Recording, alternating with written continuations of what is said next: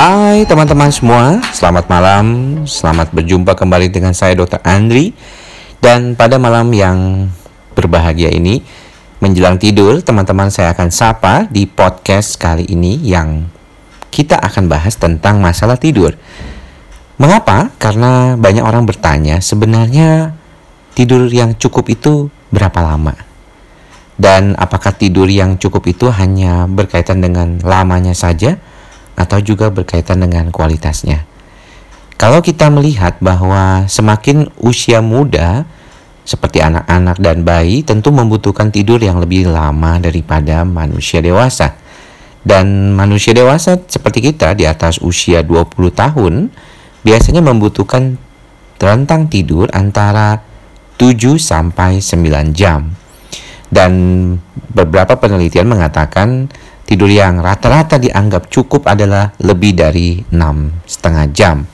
Jadi kalau misalnya Anda tidur kurang dari enam setengah jam, sebenarnya tidur Anda belum cukup. Dan kalau kita berbicara tentang tidur, sebenarnya tidak hanya berkaitan dengan tidur saja dalam artian lamanya tidur, tetapi seberapa cepat Anda tertidur sejak memutuskan untuk tidur. Jadi ketika Anda dalam keadaan ingin tidur dan sudah diranjang, dari sejak memejamkan mata mencoba untuk tidur, berapa lama waktu yang dibutuhkan sampai Anda tertidur?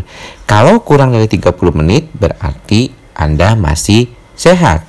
Tetapi kalau sudah lebih dari satu jam, tidak bisa tidur juga, berarti Anda mengalami kesulitan inisiasi tidur. Selain itu, tidur juga kita biasanya lihat dari kemampuan dia untuk mempertahankan tidurnya. Kalau bisa langsung 7 jam tanpa terbangun, sangatlah baik. Tetapi kalau masih bisa terbangun satu kali, oke okay lah.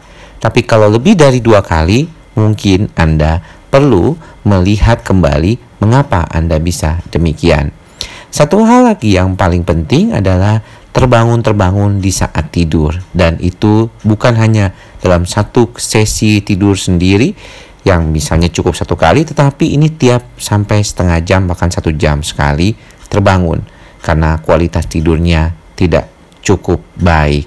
Dan ini disebabkan karena fase remnya terlalu lebih sering muncul. Ataupun kalau di dalam terapi kita sebut ada fase 1 di mana tidur dangkal, fase 2 itu baru mulai masuk ke dalam, fase 3 sudah dalam dan fase 4 sangat dalam.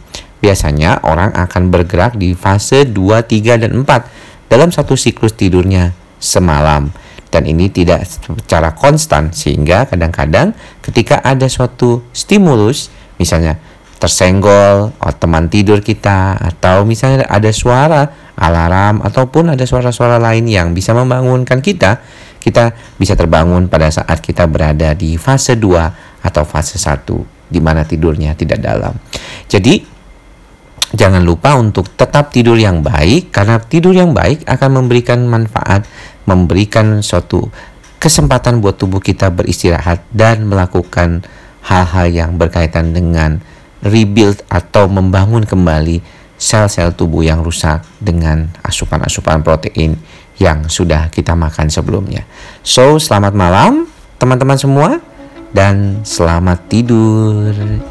Mimpi yang indah atau lebih baik memang jangan mimpi. Thank you semuanya.